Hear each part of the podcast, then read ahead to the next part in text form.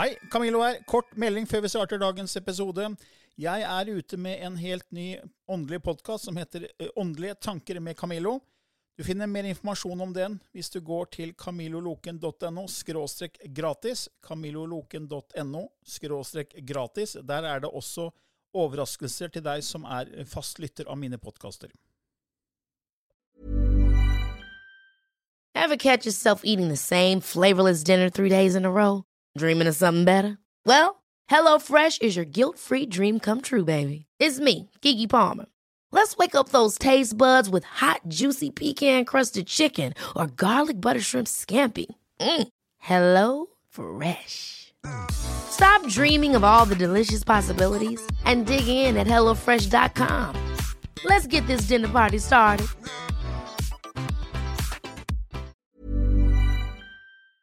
I denne podkasten belyser vi temaer innenfor den ikke-fysiske åndelige verden, og hva vitenskapen eventuelt sier om dette. Mye av innholdet er basert på vår erfaring gjennom mange år og på informasjon fra ulike kilder. Vi deler her med deg vår sannhet, som kanskje ikke er en universal sannhet. Noen av podkastene inkluderer også gjester som deler med seg sin opplevelse av hva som er sant og riktig innenfor disse temaene, noe som nødvendigvis kanskje ikke alltid stemmer med vår egen sannhet. Mer informasjon om vår podkast finner du på andogvitenskap.no. Takk for at du lytter til vår podkast.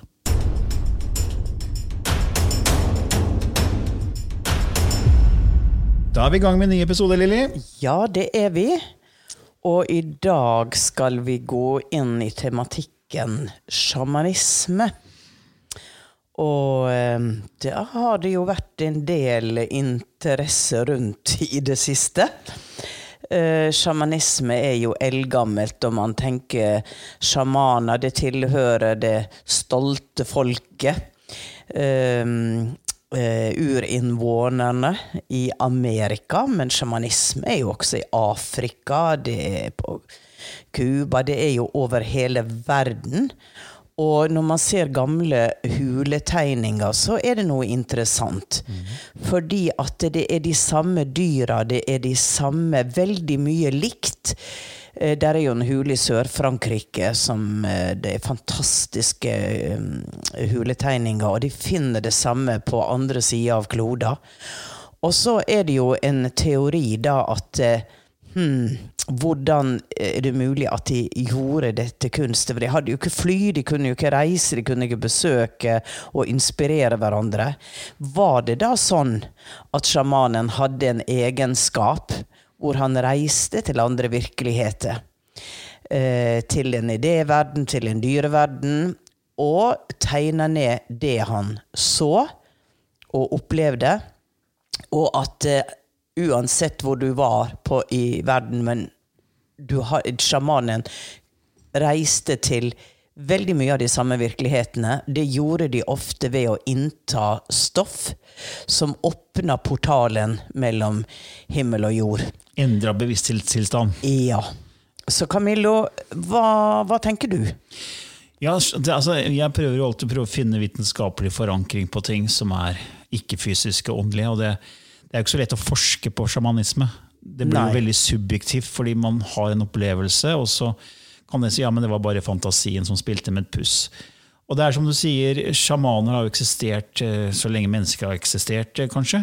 Og det er jo stoffer i planteriket som inneholder det som kalles DMT, som er et stoff som er hallusinogent, som gjør at man får ser syner. Og mayaene, som var en av de store sjamankulturene, de brukte jo planter. Og det gjøres den dag i dag. I Mellom-Amerika så har man det som kalles ayahuasca-seremonier for å frembringe endra bevissthetstilstander. Men du kan jo ikke på en måte forske på om det er riktig, det som kommer til en sjaman, men du kan forske på at folk får en endra bevissthetstilstand, og det har det gjort forsøk på. altså DMT-studier. DMT er også et naturlig stoff i menneskekroppen. Så i små små mengder eh, så er det jo ikke farlig, men eh, det kan være farlig i store doser. Og mm. man kan også, eh, hvis man tar det i moderate doser, så kan man få disse utrolige opplevelsene som bl.a. man mener mayaene hadde, og derfor kunne de koble seg til på en måte en ikke-fysisk verden og få informasjon som de kunne fortelle videre. Og så har det da blitt fortalt videre gjennom mayakulturen. Og og så kom jo det også i den såkalte 2012 eh, som vi snakka om i bevissthetsskiftet, at mayaene spådde på en måte at vi er inne i en slags sluttfase, eller en bevissthetsendring. da. Ja. Så disse stoffene de, de kan man forske på, men er det sant det som oppleves, eller ikke? Det, det, det er veldig vanskelig å si. Og du er jo også blitt kalt en sjaman, men du sier vel ikke egentlig at du er sjaman? Nei, nei, nei. Eh, Det var andre som kalte meg det. Ja. Eh, Men når jeg åpna, så var det i møte i åndeverdenen eh, med en gammel indianer som satt der og tok imot meg. Og eh, etter den eh, voldsomme åpninga jeg hadde, så var det da det ble sagt til meg at du er sjaman, Lilly, og jeg sa hva er en sjaman? For jeg hadde jo ikke peiling, jeg var jo ikke inne i den eh, verdenen i det hele tatt den gangen. Og da ble det veldig enkelt sagt at det er en som reiser til andre virkeligheter for å innhente informasjon til det beste for stammen, fra forfedrene til det beste for stammen. Det er en som er doktor, og det er en som underviser. Så det var liksom de tre nøkkelorda. Og dette med å reise til andre virkeligheter, det har jo jeg praktisert eh, til fulle i mange, mange år.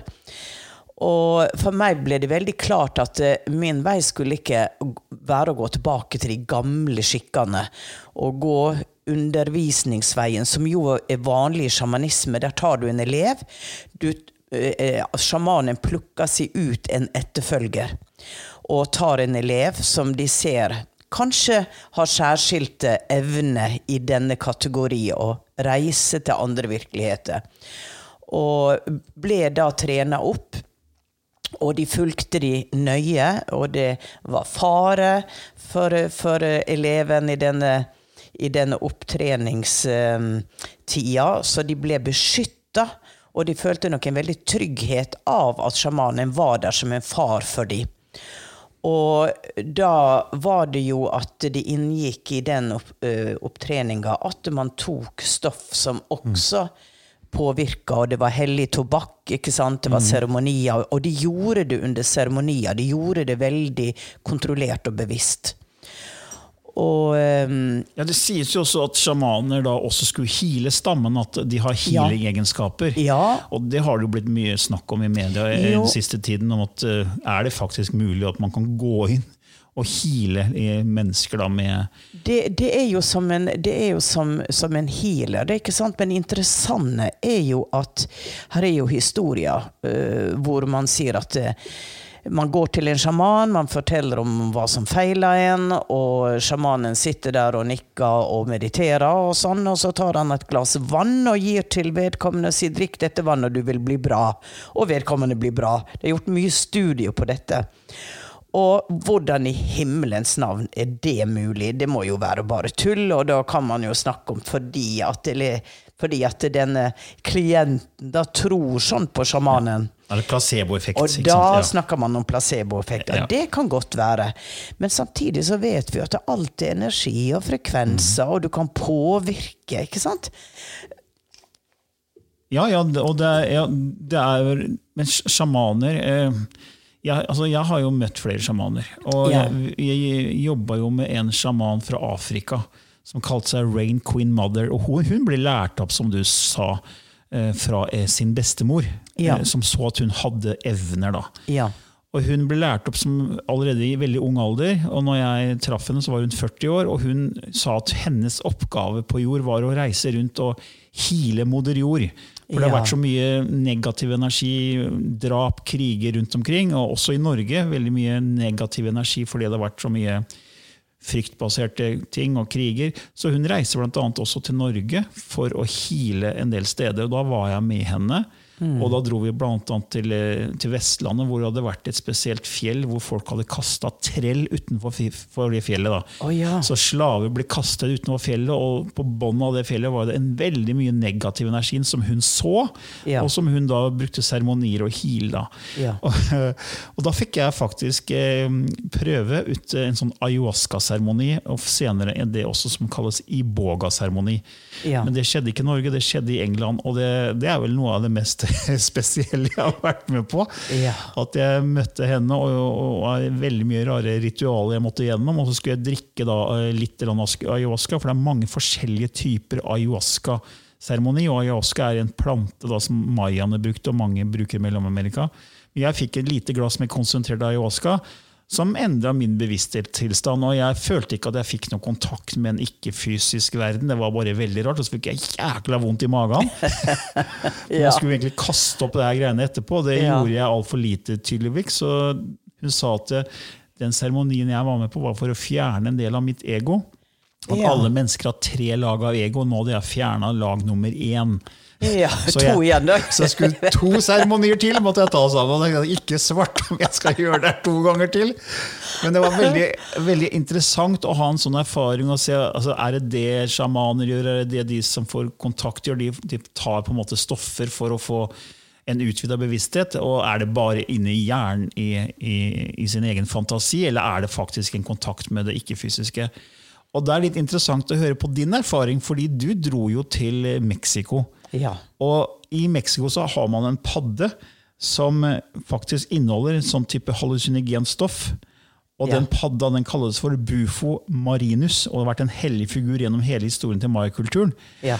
Og du kan jo dele litt uh, hvordan den seremonien ja. var, Lili, med denne padda.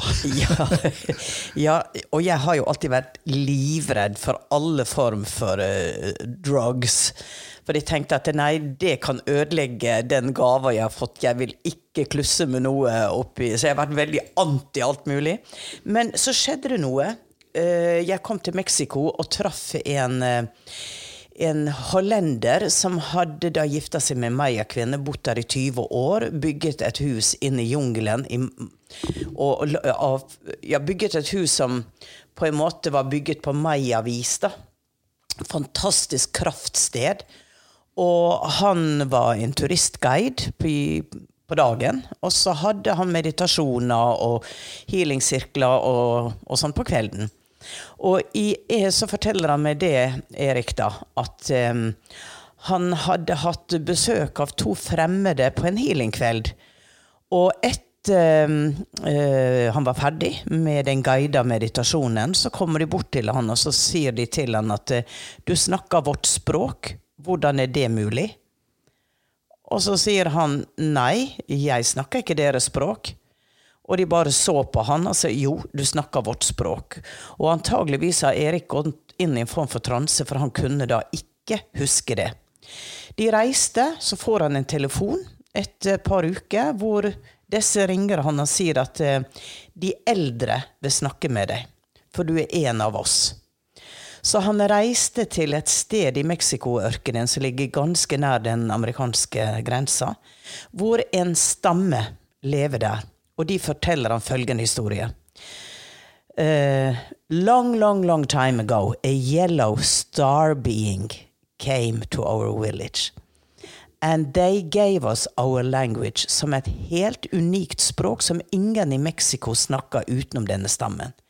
They gave us our language and they gave us our medicine to keep connected at all times with the tribe from the stars.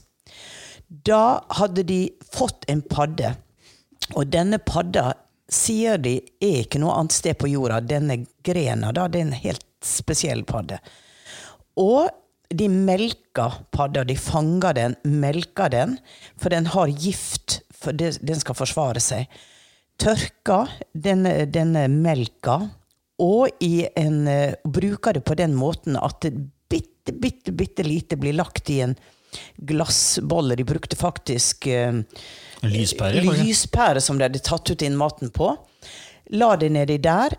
Tok en lighter, varma det opp, satte et sugerør nedi, og dette skulle du da trekke inn. Og jeg var jo livredd, men jeg fikk bare så klart beskjed om at jeg skulle gjøre det. Det var en hellig seremoni inn i jungelen. Og denne her røken lukta jo eh, eh, Altså, på Hvis du går inn i en fjøs i møkkakjelleren, så lukter det sånn. Så det var ikke noe ubehagelig. Og greia var at vi måtte trekke pusten og holde pusten veldig. For dette, vi, dette sugerøret vi trakk det ned i lungen og ned i magen for at det skulle gå inn i blodstrømmen. Og så sier han til meg det som skjer, er at du vil oppleve en død og komme til live igjen. Så ayahuasca er jo veldig ofte en reise. man, man får en tripp, som de sier. Det jeg opplevde, var at idet jeg begynte å inhalere, og så kjente jeg jo det at det skjedde noe i hodet mitt. Jeg så en masse farver, jeg så dansende skikkelser, det var sånn intens. Og så ser jeg da et stort lys foran meg. Og da hadde de sagt at når du ser lyset, må du gi det over. Og så svimer man jo da av. Man mister bevisstheten. Så jeg fant meg selv våkna liggende på, på gresset. Og eh, åpna øynene. De merka det at jeg hadde ingen følelse i kroppen. Og at de slo meg litt i ansiktet for å få meg tilbake til virkeligheten. Så åpna jeg øynene, og det var helt utrolig, Camillo. Eh, alle farvene var forandra. Løvverket over meg var ikke lenger grønt, det var intens turkis. Lydene var liksom hundredobla. Det, det, var en humle ved siden av meg, og det var så, det var så sterkt. Det var som et flydur. Så alt var forsterka, og det var en klarhet. Det var ikke en tripp, og ikke at jeg flippa ut. Det ble bare en total klarhet. For det de sa, var at eh, dette middelet aktiverer tredje øye. Og når du er født, så er det en voldsom aktivering av det tredje øyet. Når du dør, det samme. Så det er derfor de sier du går inn i en type dødsprosess. Du kommer over på andre sida, og du våkner opp igjen til nytt liv.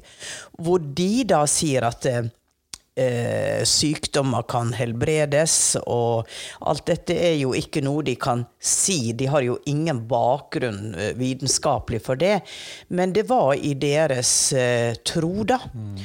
Og jeg vil jo si at eh, jeg ble jo ikke helbreda for noe sykdommer eller vondter i det hele tatt, men det jeg opplevde, var en intens klarhet og en ro og en kraft. Og jeg gjorde det en gang til. Jeg reiste bort der året etterpå, og så sier jo Erik til meg da at dette bør du gjøre kanskje hver sjette måned, du som bruker så mye energi og hjelper mennesker. Men jeg har aldri gjort det igjen. Nei. Men det var en helt spesiell, unik opplevelse. Ja, og Vi skal jo ikke drive og promotere Nei, det skal vi ikke. Det er litt viktig å poengtere at det, det er ikke noe Nei, nei, nei. nei, nei, nei. Vi skal ikke promotere disse erfaringene. Det er bare, det er bare for å vise at eh, det er sjamanisme handler ja. egentlig om at man endrer sin bevissthetstilstand. Og da ja. har man brukt på en måte planter som inneholder ting, eller padder, da, som inneholder bl.a. dette stoffet DMT. Og det er det jo forska på.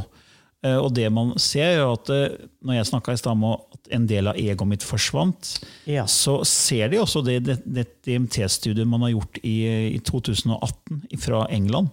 Så er det forskere jeg tror det var i London så var det et forskerteam som tok for seg 13 pasienter som da fikk dette DMT-stoffet. Mm. Eh, og da så fikk de da en del spørsmål de skulle svare på etterpå hva de opplevde. og Da følte man at man på en måte fjernet litt av ego. Fikk en del sånne opplevelser som du nevner nå. da. Mm.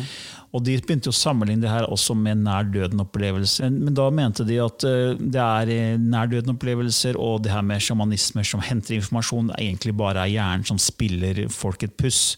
Ja. At det er bare hallusinasjoner eh, som er fremstilt av da DMT, eller disse hallusinogene stoffene. Da. Ja. Og det, og det er jo veldig vanskelig å forske på det her, at det her er reelt, at en sjaman henter informasjon fra en ikke-fysisk verden. Mm. Og, men da må vi liksom gå inn og begynne å snakke om eh, det her med frekvenser, energien, vibrasjoner. Og i boka vår 'Du er klarsynt' så har vi et eget kapittel om nettopp det her med den ikke-fysiske verden, hvor vi går inn og snakker om energi, frekvens og vibrasjon, og hvordan du blant annet kan hente inn informasjon fra en ikke-fysisk verden. Så vi, vi, forklarer det til en viss grad, mm. men det er veldig vanskelig å forske på sånt, for det blir fort eh, avskrevet som fantasi og subjektive erfaringer. Ja, ja selvfølgelig. Og jeg vil jo også sterkt påpeke at uh, drugs skal man være utrolig forsiktig med. Indianerne de bruker det i seremoni. Man faster på forhånd, det blir meditert, man bygger opp og bygger opp systemet og kroppen. Så jeg jo, mener jo at drugs uh, er veldig, veldig farlig. Ja, det, de har jo erfaring, de som ofte tilbyr disse seremoniene i Sør-Amerika. Mm. Lang, lang erfaring gjennom generasjoner. Ja. Eh, Så jeg vet jo om mennesker i Norge som har bare laga sin egen ayahuasca og laga sin egen greie, og det er, det er veldig skummelt. Og jeg vet om mennesker som har fått ekstremt fryktopplevelser. Ja. Fordi hvis ikke du er forberedt og klar for sånt nå, så skal du holde deg langt unna. Ja. Og jeg var jo veldig klar og nysgjerrig på det, så jeg fikk en, fikk en opplevelse. Det var ikke sånn frykt, det var heller ikke sånn kjempespennende og behagelig som jeg trodde. Nei. Men det var en erfaring. Ja. Så, ja. Men eh, jeg kommer ikke til å gjøre det igjen. Nei. Nei. Så, men eh, tilbake til sjamanismen. Det man sier at det, tar lang tid å bli en sjaman. Hva tenker du om det? Det Ja, jeg vet når jeg var i Sedona og møtte David Singing Bear, så var jo han veldig opprørt over disse hurtigsjamanene som poppa opp. For han sa det at eh, han hadde jo en ungdom hvor han fjerna seg fra stammen, han ble kriminell, han satt i fengsel, ble henta ut av The Elders og gikk på en sånn walkabout nærmest, hvor de skulle rense han og, og trene han opp igjen. Og han sa at bare å bære stein inn til, eh, til å, Hva heter det, da? Svetlodge. Så brukte han mange år før han fikk lov å gjøre noe annet. Han bare bar stein, som da var rødglødende, inn i gropa i teltet. Det var det han gjorde i mange år. Og det tok årevis hvor de, de ble testa, prøva, utholdenhet, egoet deres, altså hele pakka. Så det var ikke en lettvint løsning i det hele tatt. mange, mange år Mange, mange år. for å lære seg liksom tålmodighet, Ja. slippe ego. Ja. Og forstå at alt er ett. Naturen, moder jord, hva den representerer, hvordan man kan bruke den, og være i eh, synkronisering med moder jord, i balanse. Og vi har jo nydelige mm, ting inne på Facebook av de gamle indianerne de viser, som snakker om den tida vi er i. Og at det var profetier som sa det vil komme en tid hvor elvene våre brune. ikke sant? Det er, Vi har ødelagt moder jord, og moder jord vil reagere. Så de har jo kommet med sine advarsler mot den tida vi nå er inne i, at vi må våkne opp og vi må gå tilbake og forstå naturen. Og det er jo en oppvåkning nå, spesielt blant de unge, på Ja. dette at vi må tilbake til det grønne og til balanse. Så det er jo en fin utvikling, kan du si, da. Ja, for det, det, Man snakker om spådommer, som også er et tema vi skal snakke om i en annen Ja. episode. Eh, man mener jo også at Nostradamus han inhalerte noen stoffer som da trigget da hans eh, altså slags DMT-stoff, Ja. som trigget at han klarte å se fremtidige visjoner, han fikk visjoner på fremtiden og spådde det. Ja. Og, og Det samme gjorde jo mayaene, men det som er interessant, selv om man ikke kan vitenskapelig si at dette er, slik er det, at det er faktisk sant og riktig, så, så klarte jo mayaene å finne ut av syklusene i Ja. galaksen, og hvordan vi faktisk, hele vårt solsystem, Ja. går gjennom forskjellige faser på en 26 000 års syklus, Ja. som stemmer nesten på en prikk. De hadde ikke teleskop, de hadde ikke teknologi. De visste mer nesten om det vi vet nå i dag, den gangen for mange mange, mange år siden. Ja. Eh, Så du kan si at det er jo ikke fantasi. Nei. Eh, Så de kunne jo se selvfølgelig se stjerner med det blotte øyet, men ikke noe mer utover det. Nei. Men ved sånne seremonier med å ta sånne type stoffer, og så fikk de da en utvidet bevissthet og fikk en forståelse, og kunne begynne å forklare hele syklusen til vårt solsystem og galaksen. Ja. Og det er jo det som også ble en del av den mayakalenderen som vi Ja. snakka om så mye om i forbindelse med Den er jo ekstremt unik og, eh, og, og kraftfull. Og eh, det er jo de som studerer den i dag. Så det er klart at de var de da, gjennom sin utvida bevissthetstilstand, eh, i kontakt med intelligenser fra andre stjernesystem som underviste de og fortalte de dette. Var, var det en form for overføring av Ja, informasjon, inf- ja. informasjon? Jeg tror kanskje det. Jeg tror kanskje det, at de ble undervist. Eh, nå er vi jo inne på en annen tematikk igjen. Vi hopper litt frem og tilbake her, Camillo. Men Ja. det er jo ting vi skal snakke om i eh, senere, i senere episode. Men eh, sjamanen var høyt respektert. Eh, man visste det at han var utvalgt, og at eh, han hadde gjort eh, veldige forberedelser eh, for å komme dit han hadde kommet. Så han var veldig viktig for stammen. Og det interessante der har jo eh, Plutselig nå så kom jeg på den filmen jeg så på The Discovery, da. Hvor eh, der er en stamme i Afrika hvor på en viss tid av året så går de inn i transe. De tar nok noen middel, ja. De går inn i transe. Og de blir til jaguarer, de blir til dyr, og de spiser Altså, de spiser type gress som er lange, lange sånne der jeg sier det er ikke umulig for et menneske å spise det. Men da er de en De er det jaguar. dyret, De ja. er det dyret som spiser det. Og, og, og, og de som, forskerne som sto og så på dette, altså de, det, det er ikke mulig å forstå hvis du ikke går over i at et eller annet Altså, Er det mulig å tro så hardt på at du skal bli et dyr at du blir det? Mm. Eller er det noe annet? Shape-shifting kaller kaller sjamanene det. You, you sh- shape shift, you become somebody else. Og Mm. alt dette her har jo å gjøre med eh, endra bevissthet. Mm. Og eh, de kom jo tilbake til seg selv igjen, og eh, jeg husker litt for lite av det, men jeg vet at jeg tenkte, er det mulig? Ja, det er Ja. mulig. Vi kan jo være enige om at det er et spennende tema. Ja. Eh, og vi skal jo snakke mer om eh, energifrekvens og vibrasjon, som egentlig handler om da eh, bevissthetsendring er jo endring av Ja. energifrekvenser. Det skal vi gjøre i en annen- episode. Men nå skal vi avslutte denne episoden her med igjen lysspråket som Lilly skal kanalisere. Dere kan gå inn på andogvitenskap.no, og der kan dere laste ned eller høre på det språket i etterkant. Og Der ligger også annen informasjon som vi har tatt opp her i podkasten vår. Og hvis du har temaer du ønsker å belyse, så kan du bare sende inn det til oss. Og hvis mange er interessert i de samme temaene, så vil vi ta det opp her i vår podkast. Og nå går Lilly inn i transe og forbereder seg til en liten, uh, liten eh, kanalisering av det såkalte lysspråket.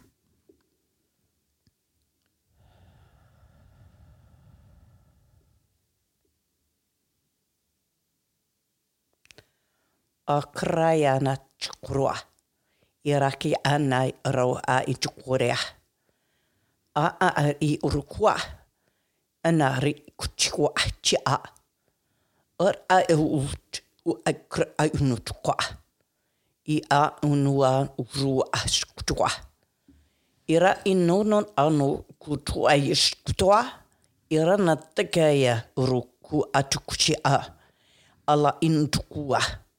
urutu kuai e se ki tui shi te ke tu u chukua a. Ulo nana kutua. E, e kutu un kuisakara a. Ia atukuri. No tuku a jo kre ke ai. Ara ki unu tu ha ki he.